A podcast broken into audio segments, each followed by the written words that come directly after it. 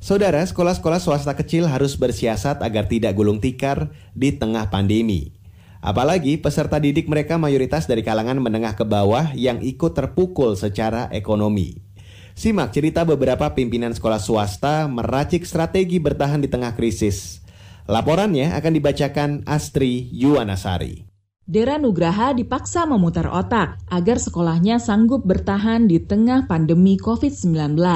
Kepala Sekolah SMP Islam Cendekia Cianjur, Jawa Barat ini berupaya mencari sumber pemasukan baru selain dari biaya pendidikan. Keuangan sekolah ikut menipis lantaran orang tua murid kesulitan membayar iuran bulanan. Salah satu usaha yang digarap adalah dengan menjual tanaman hidroponik. Kita sudah melakukan hidroponik. Mungkin secara keuntungan nggak seberapa ya, ratusan ribu lah. Saya rasa di masa seperti ini, berapapun itu akan sangat berharga untuk sekolah. Nah yang kedua, ini dia tugas-tugas dari guru, siswa misalnya bikin cerpen, siswa bikin apa, setelah dinilai itu selesai. Nah di kami tidak seperti itu. Dikumpulkan, diedit oleh teman-teman guru, kemudian kita terbitkan kerjasama dengan beberapa penerbit dan dijual. Berdampak pada para guru, kemudian juga menambah pemasukan. Di sisi lain juga menambah identitas dan portofolio sekolah. Menurut Dera, sekolah dituntut kreatif di tengah situasi seperti sekarang. Ia memanfaatkan jejaring dan menjalin kerjasama dengan berbagai pihak demi mempertahankan eksistensi sekolah. Sekolah itu kan pasti punya punya kolega ya sekolah itu. Nah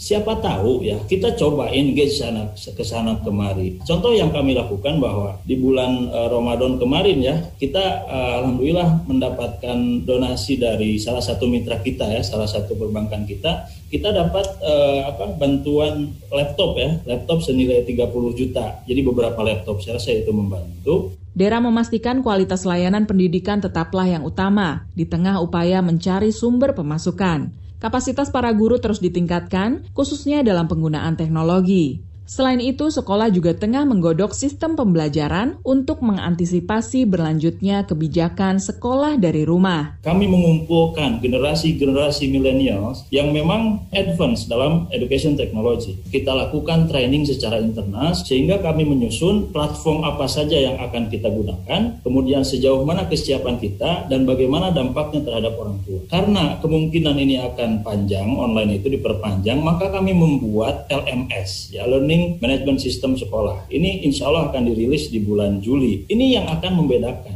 Madrasah Ibtidaiyah MI Tunaskarya Jakarta Barat mengoptimalkan dana bantuan operasional sekolah untuk bertahan di tengah pandemi. Seluruh keperluan murid dalam kegiatan belajar mengajar juga dipenuhi dengan dana itu. Hal ini mengingat hampir seluruh anak didik berasal dari kalangan menengah ke bawah yang ikut terhantam pandemi. Wakil Kepala Sekolah MI Tunaskarya Muhammad Farozat. Kami dari Sekolah MI Tunaskarya membebaskan segala tuntutan pembayaran seperti SPP, uang buku, uang semesteran, dan lain-lain. Nah, dalam hal ini kita dapat bertahan karena adanya bantuan dari pemerintah melalui bantuan operasional sekolah. Kita membebaskan seluruh biaya yang ada pada sekolah kita. Artinya sekolah gratis MI Tunas Karya juga mengandalkan dana BOS untuk insentif bagi para guru selama kebijakan belajar dari rumah. Guru-guru kita beri insentif dari dana BOS. Karena dalam salinan Permendikbud sendiri di sana sudah dijelaskan bahwa dana BOS pada kondisi darurat COVID-19 ini bisa digunakan dalam pembiayaan langganan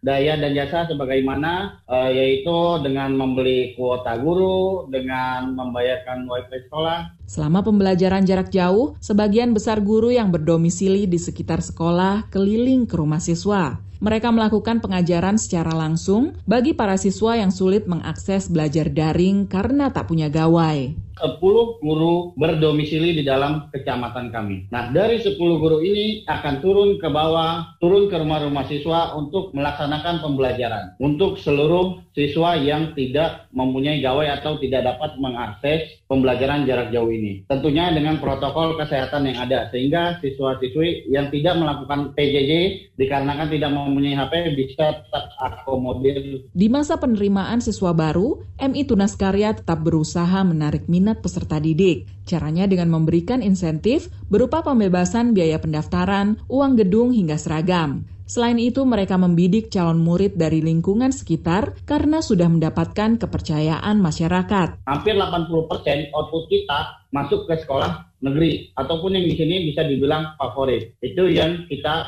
jual keluar. Nah dengan itulah kita bisa menarik animo masyarakat sekitar yang memang kondisi ekonominya di bawah rata-rata juga. Kami di sini lingkungan terletak sekolah kami di lingkungan masyarakat. Kita berbaur dengan masyarakat. Insya Allah masyarakat percaya kepada kita anaknya untuk mensekolahkan anaknya di sekolah kita. Demikian laporan tim KBR, saya Astri Yuwanasari.